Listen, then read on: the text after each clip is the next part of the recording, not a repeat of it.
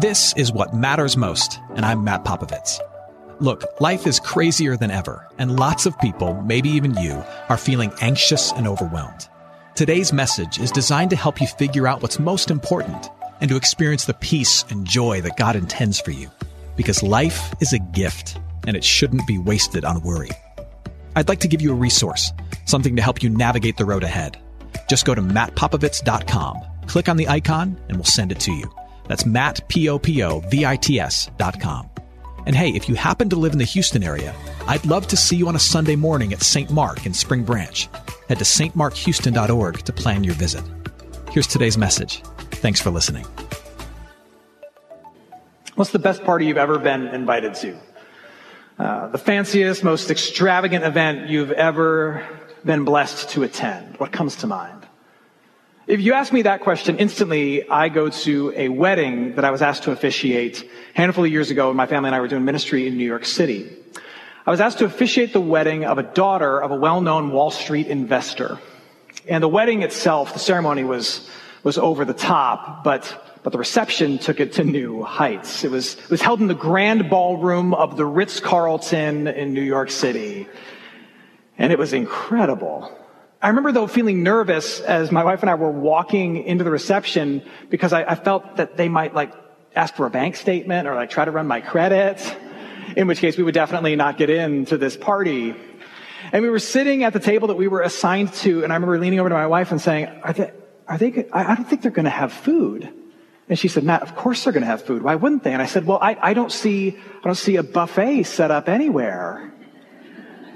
And she had this look on her face as if she was finally realizing that she'd married a very, very simple man.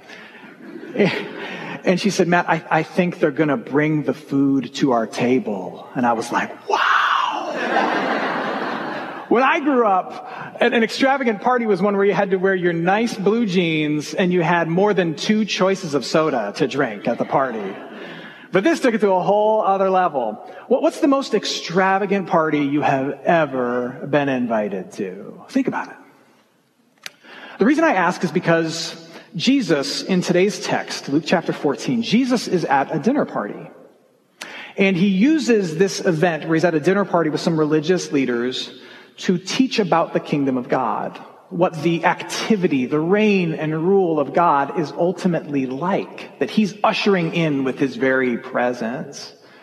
And he, he uses something that's close at hand, a dinner party, to say, well, you know what? The kingdom of heaven is a lot like a lavish dinner party, especially when you think of the end of the world. But there will come this day when, when Jesus comes back who right now is seated at the right hand of the Father, and he will bring with him the fullness of the kingdom, where it says he will recreate everything that we see, and, and God in flesh, Jesus Christ, will reign and rule with his resurrected and chosen people in the fullness of the kingdom.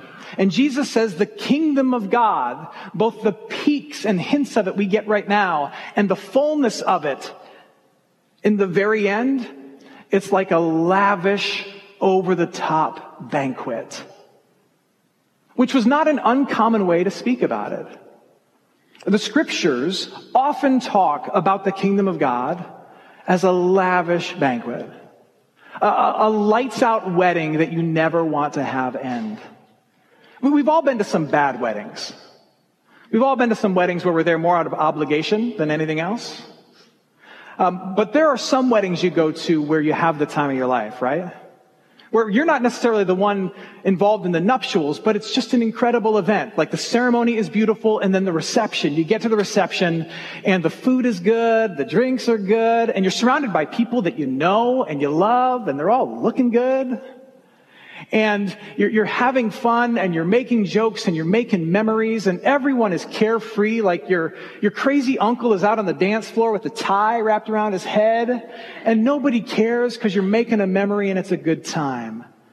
There, there are moments like that where you say, man, if I could bottle up this experience and just kind of savor it forever, I would. Have you been to a party like that? Jesus says that's what the kingdom of God is like. But, he says, and this is the point of the parable he tells at this dinner party, only certain people get in. Only certain people make it in to this kingdom. On the invitation is written one phrase for the humble only. Only the humble receive the kingdom. And then he tells a story that helps us understand what it means to humbly receive and be a part of the kingdom of God. And that's what I want to spend a few minutes talking about this morning. What kind of humility receives and enjoys the work and the kingdom and the party in the end that Jesus promises? The first thing that we can gauge about the humility that receives the kingdom and enjoys it from the parable that Jesus tells is that the kingdom of God belongs to those who are humble enough to prioritize his kingdom. They're humble enough to prioritize the kingdom. If you remember the parable that was read by Howard, the master's invitation goes out to a group of people. A master is throwing a party. He sends out an invitation and the people who receive the invitation, they ignore it. They all found excuses, some way to bow out of it. And you've done this before. There's some event you don't want to go to, so you make up some lie. You know you've done it so that you don't have to go there. And that's what's happening to this master's invitation to this incredible banquet. And they come up with really lame excuses. There's one guy who's like, uh, you know what? I just bought a field and I need to go check out that field and see if I can really buy a house there and set up a farm there so I can't come. And you know it's a lie because you would have checked out the field before you bought it to know whether or not it was worth the investment, but fine, don't come to the party. And then another guy, he's like, I can't come because I just got married and my wife won't let me. Women. Which you know it's a lie because I'm sure the master in his generosity would have let his wife come too. And by the way, just as an aside, never use your spouse as an excuse to get out of doing something. Like, show some respect. Use the kids. it's the better way to go about it. Now, it's not like the people in this parable didn't know the party invitation was coming. Like they had legitimate plans and they were surprised by it. No, Jesus makes clear in the telling of this parable that the people who rejected the invitation to the grand feast, which represents the kingdom of God, the people who rejected the invitation to the grand feast, they knew well and good, well in advance that it was coming. And they chose not to make it a priority in their life when it finally appeared for them. Here's how it's put in the story. A man once gave a great banquet and he invited many. One invitation. And at the time for the banquet, he sent his servant to say to those who'd been invited, this is a second invitation. Come, for everything is now ready. So those invited to the banquet, they receive not one, but two invitations. They get a save the date. The master is throwing a massive banquet. And then just before the party is set to start, a servant shows up and knocks on everybody's door and says, Hey, remember the party? It's today. Let's go. They knew that the invitation was theirs. And yet they chose not to prioritize that invitation and to put a whole bunch of other things in front of it. As we hear this story, Jesus is sharing this story to convict the hearts of the hearers, like you and me. He tells this story in such a way that we are meant to ask the question, would I prioritize the invitation to the party? Do I place a proper priority to the invitation into God's great banquet and His great kingdom? Do I? And if we're answering with honest hearts, we have to say this, we don't. You and I spend so much time chasing after other priorities and pushing the fact that God has invited you into His kingdom way down the list. We chase after the approval of other people, thinking that that's going to make us happy. Uh, we chase after work and career, often for good reasons. We want to be a good steward of the education we've been given. We want to provide for our family. But we, we chase after getting one more email sent on our family's time because we think that that's going to make us feel happy and whole. It's going to give us peace. Or we make a long list of experiences we want to have and things we want to do, thinking that if we live this, this, this rich and Instagram worthy existence, that somehow we will have made the most of our life. We chase after all those things. We put them in a high place of priority, but in the end, they're going to prove kind of pointless. Instead, what does Jesus say about the priorities you should have? In the Gospel of Matthew, Jesus says this. He says, seek first God's kingdom and his righteousness, and all the other things that you truly need, all the other things are going to be added to you. So, so rearrange your priorities. The fact that God is real, He loves you, He has gifts to give you, and He has a future set aside for you. Let that be a priority to you. Jesus is the one inviting the world to the Master's party. He's the one knocking on every door saying, you're invited and you're invited and you're invited. Come now. Everything is prepared. Enjoy the generosity of the master. He's knocking on your door and mine and saying, the party is ready for you. You can actually begin to enjoy it now. I hope you're enjoying today's message. For more of what matters most, you can head to mattpopovits.com.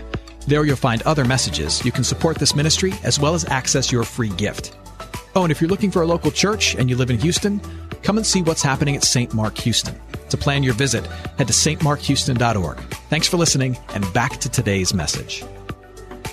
Now, you might be wondering, Matt, how do I enjoy the party that won't be in play in full until the end of the world? How do I enjoy that today?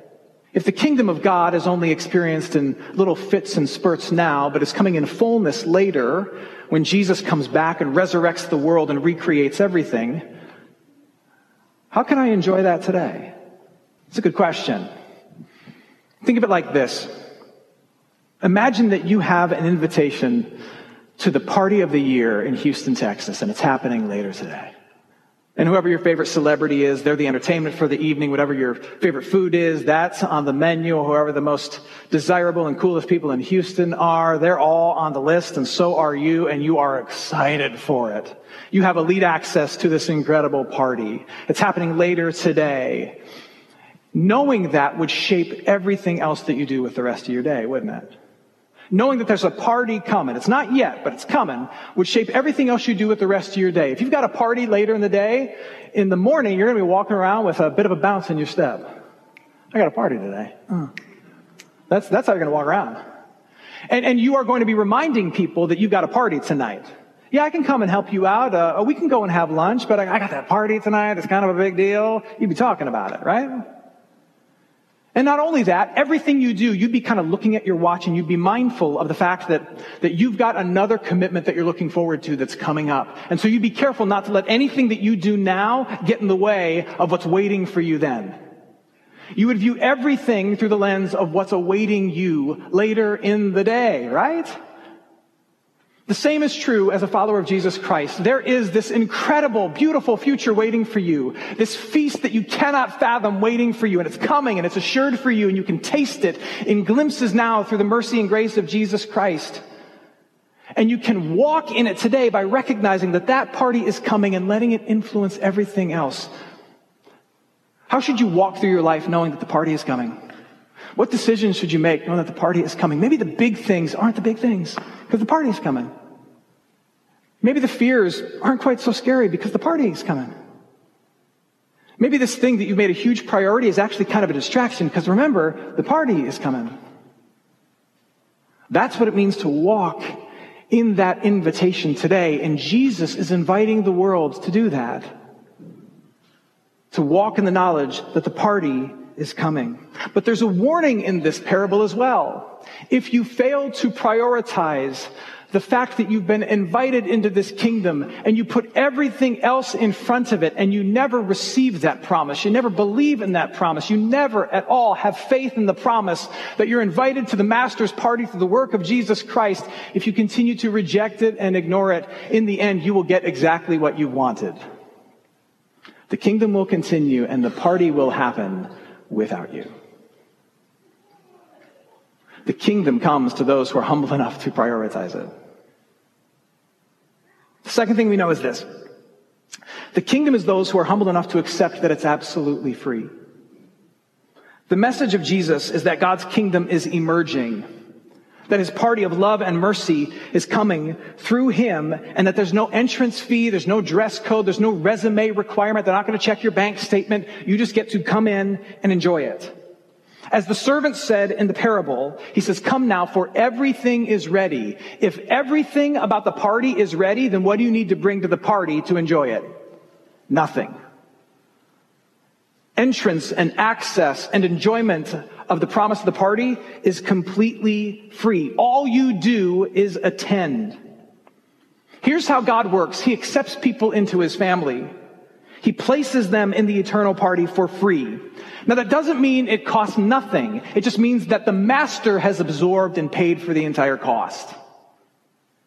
And that's what the Father has done through Jesus Christ. Jesus came into this world and he left his kingdom to pay for the party for everybody else. He, he, lived a perfect life. He died a sacrificial death and then he rose triumphantly so that now, and this is the, the, the offensively free nature of Jesus' message. He says now through simple faith in him, you get everything he is as your own. So now through even the tiniest, most minuscule amount of faith in who Jesus is, you get to look at his perfect life and say, oh, his, his perfect life, uh, that's mine. And you get to look at Jesus and say, oh, his, his sacrificial death to pay for the sins of the world, that's mine. My debt is paid. His, his rise from the dead, that's my future. His empty grave is my empty grave. Through faith in Jesus, you get everything that Jesus is. So much so that when the Father looks at you, if you were to see the way the Father looks at those who have faith in Jesus Christ, you wouldn't recognize yourself. Because when the Father looks at you, he sees Jesus. And he says, Oh, I know you. I recognize you.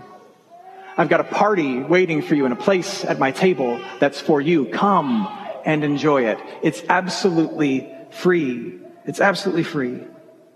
And once you get a glimpse of all the benefit that comes to you through being a member of the kingdom and everything that it costs Jesus, and you wrestle with the fact that it's completely free to you, costs you absolutely nothing, you can't help but be humbled by that. And some people can never get over that. They can't get over the fact that they get everything, but they give nothing because it hits at their pride and their ego. Have you, ever, have you ever been given a gift so extravagant that you feel bad for receiving it? Because it's so over the top and nice, and you could never repay them. And so you kind of feel guilty for receiving it. Like, I could never take this because I could never repay it, and I certainly don't deserve it. That's what Jesus is. That's what Jesus has done. Some people can't get over that, and so they insist and they say, well, that's cheap grace. I have to bring something to the party. I have to prove my place at this party some way, somehow. Certainly, I have to live a, I have to live a, a certain kind of life in order to prove my entrance to the party. I have to have a certain amount of fearless faith to prove my entrance to the party. Certainly, I, I have to know a little bit of doctrine and prove my knowledge of the scriptures in order to earn entrance to the party. But none of that is true. All of those things are nice, but none of those things are needed for entrance into God's kingdom. It's all offensively free. In fact, if you insist on saying, I've got to bring something in order to prove that I belong at this party that God is throwing, you offend the party thrower. Because you clearly don't understand the greatness of God and the depth of his generosity. Think of it like this. Imagine you had a friend who said, Oh man, I found the world's greatest restaurant. It is like life changing. It has five Michelin stars. And all the best chefs in the world say it, it, it's the height of human cuisine. Emeril Lagasse, Tom Colicchio, Bobby Flay, Chef Boyardee, they all agree. This is the best restaurant on the planet. Now here's the thing. It's 500 bucks a person just to get a seat. Each entree is like 200 bucks, but I got you covered. I got us in, I got us a place, and I'll pay the bill. Just show up and enjoy. Imagine if your friends said that to you because they knew you were a foodie, they knew you would love it, but you insisted on saying, you know what, I gotta bring something. I can't just enjoy this meal. That, that doesn't feel right. So how about this? I'll bring a bottle of two buck chuck and some of my grandma's famous meatballs. I'll bring that to the restaurant. That'll be my contribution and we'll have a great time. What would your friends say? Don't come. Why? Because you, you, you don't bring grandma's meatballs to a free five star meal. You don't do it. It offends the generosity of the person who's footing the bill and the greatness of the environment you're about to enjoy. When someone gives you an incredible gift, there's only one thing to do. The only thing you do is receive it and enjoy it. That's all that you do. The point is this the kingdom of God is not a potluck. It's an incredible banquet where it's all been bought and paid for. And all you do is bring your nothing and enjoy everything through faith in Jesus. And I've got one more point for you. The kingdom of God is enjoyed and received by those who understand that it's only for sinners. It is only for sinners. If it is offensively free, then that means that it is open to all. The best of us and the worst of us. And what that means is that in the eyes of the one who throws the party, there is no difference between any of us. And that takes humility to admit. What happens in the parable when the people who are initially invited, they reject the invitation? The master gets frustrated and so he, he kicks the doors wide open and he goes and he gets all of the, the outcasts and the others and the rejects from the street and all the foreign people in the world. He, he brings all of them in. Everyone who the insiders thought didn't belong, he grabs all of them and he brings them into the inside. And he gives them the very same meal and he puts them at the same table and he sets them in the exact same seats. And Jesus telling the story knows what's going on in the hearts and minds of those who are hearing. He understands what they're thinking this is scandalous. The implication is that there's no difference between the people who originally got the invitation and the people who actualized the invitation and sat in the seat. They are all the same in the eyes of the one who's throwing the banquet. He doesn't see rich and poor. He doesn't see in and out. He doesn't see good or bad, elite and average. All he sees are people who need to be blessed by his party. That's it. It's open for everybody. And there is no difference between the best of us and the worst of us. The gospel of Jesus Christ is the great equalizer. We are all sinners in need of grace. We are all caught up in a mortal and broken life. We are all in need of the kingdom to come to us and to touch our existence. And sadly, sometimes the only way you come to that realization is when you've come to the end of yourself. When you have when you have done something dumb that threatens your marriage, when you have failed financially, when you have been caught up in a cycle of sickness, when you're, you're dealt with a, a good deal of family dysfunction, only then do you realize, oh my goodness, I'm no better. I'm no different. I am broken. I am bad. I am weak. I am mortal. I am prone. I am stuck. I am lost. Here's the bad news you're a total mess. Here's the good news you're not alone. Here's the best news God's kingdom is only for sinners and messes like you and me. There are no perfect people allowed. And it takes humility to admit that and to receive that. That in the eyes of the master throwing the party, we're all the same. What's the greatest party you've ever been invited to? I, I don't know your history of invitations, but I know of one, at least. It's the kingdom of God, and He has an invitation for you that you can begin to experience today. Hey, it's Matt. I hope you enjoyed what matters most. Here's what I need you to know life is a gift, and it shouldn't be wasted on worry. I want to help you figure out what's most important and to experience the peace and joy that God intends for you. So, for more content, you can head to mattpopovits.com. That's Matt, P O P O V I T S.com. There, you can also support this ministry as well as access your free resource, a little something to help you navigate the road ahead. I'd also love to see you on a Sunday morning. If you're in the Houston area, head to stmarkhouston.org to plan your visit.